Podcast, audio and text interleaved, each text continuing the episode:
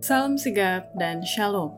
Renungan kita pada hari ini, Jumat 18 Maret 2022, berjudul Allah telah memilih kita.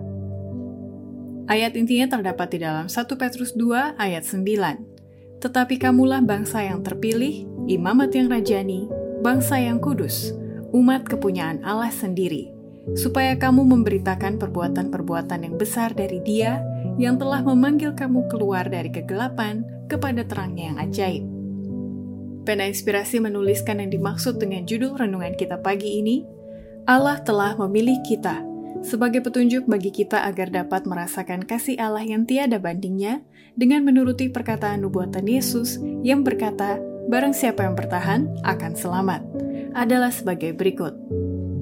Pertama, tanda bahwa Allah telah memilih kita bila mana kita memiliki keinginan yang sama untuk membawa keselamatan oleh kasih karunia Kristus kepada dunia ini. Sebagai wakilnya di antara manusia, Allah tidak memilih malaikat yang tidak pernah berdosa, tetapi manusia yang sama keinginannya dengan mereka yang diusahakan untuk diselamatkan. Kristus membungkus dirinya dengan kemanusiaan agar dia dapat menyelamatkan manusia. Juru selamat yang adalah manusia ilahi diperlukan untuk membawa keselamatan kepada dunia ini. Kepada laki-laki dan perempuan telah diserahkan satu kepercayaan yang kudus untuk memperkenalkan kekayaan Kristus yang tak dapat diselidiki. Kedua, tanda bahwa Allah telah memilih kita bila mana kita bersedia menjadi alat atau instrumen yang dipakai oleh surga untuk menjangkau umat manusia. Kristus menyalutkan kemanusiaan bagi dirinya sendiri agar dia dapat menjangkau umat manusia.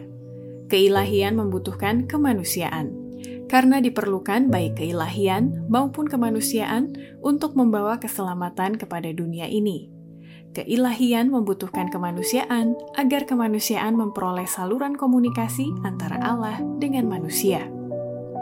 Ketiga, tanda bahwa Allah telah memilih kita bila mana kita memiliki kuasa Allah untuk memberitakan kebenaran Injil yang menggoncangkan dunia ini. Untuk melakukan pekerjaan ini, Kristus tidak memilih yang terdidik dan yang cerdas dari anggota Sanhedrin Yahudi atau penguasa Roma. Setelah melewati guru-guru Yahudi yang mau benar sendiri, guru pekerja memilih orang-orang sederhana yang tidak berpendidikan untuk memberitakan kebenaran yang menggoncangkan dunia ini. Sengaja dia melatih orang-orang ini dan mendidiknya sebagai pemimpin-pemimpin gereja. Kemudian, mereka akan mendidik orang lain dan mengutus mereka dengan pekabaran Injil. Agar mereka sukses dalam pekerjaannya, mereka diberikan kuasa Roh Kudus. Bukan dengan kekuatan manusia atau akal budi manusia, Injil ini diberitakan, tetapi dengan kuasa Allah. Keempat, tanda bahwa Allah telah memilih kita bila mana kita mengikuti jejak seperti Timotius yang setia, teguh dalam pendirian, dan benar menjalankan tanggung jawabnya dengan kerendahan hati sebagai orang Kristen. Paulus memperhatikan bahwa Timotius adalah seorang yang setia, teguh pendirian, dan benar. Kemudian ia memilihnya sebagai pembantu dalam tugas dan perjalanan.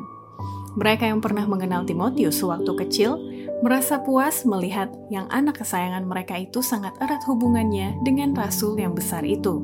Timotius hanya seorang bocah cilik ketika Allah memilihnya menjadi seorang guru, tetapi prinsipnya sudah begitu kuat karena pendidikannya yang dini sehingga dia layak menjadi pembantu Paulus.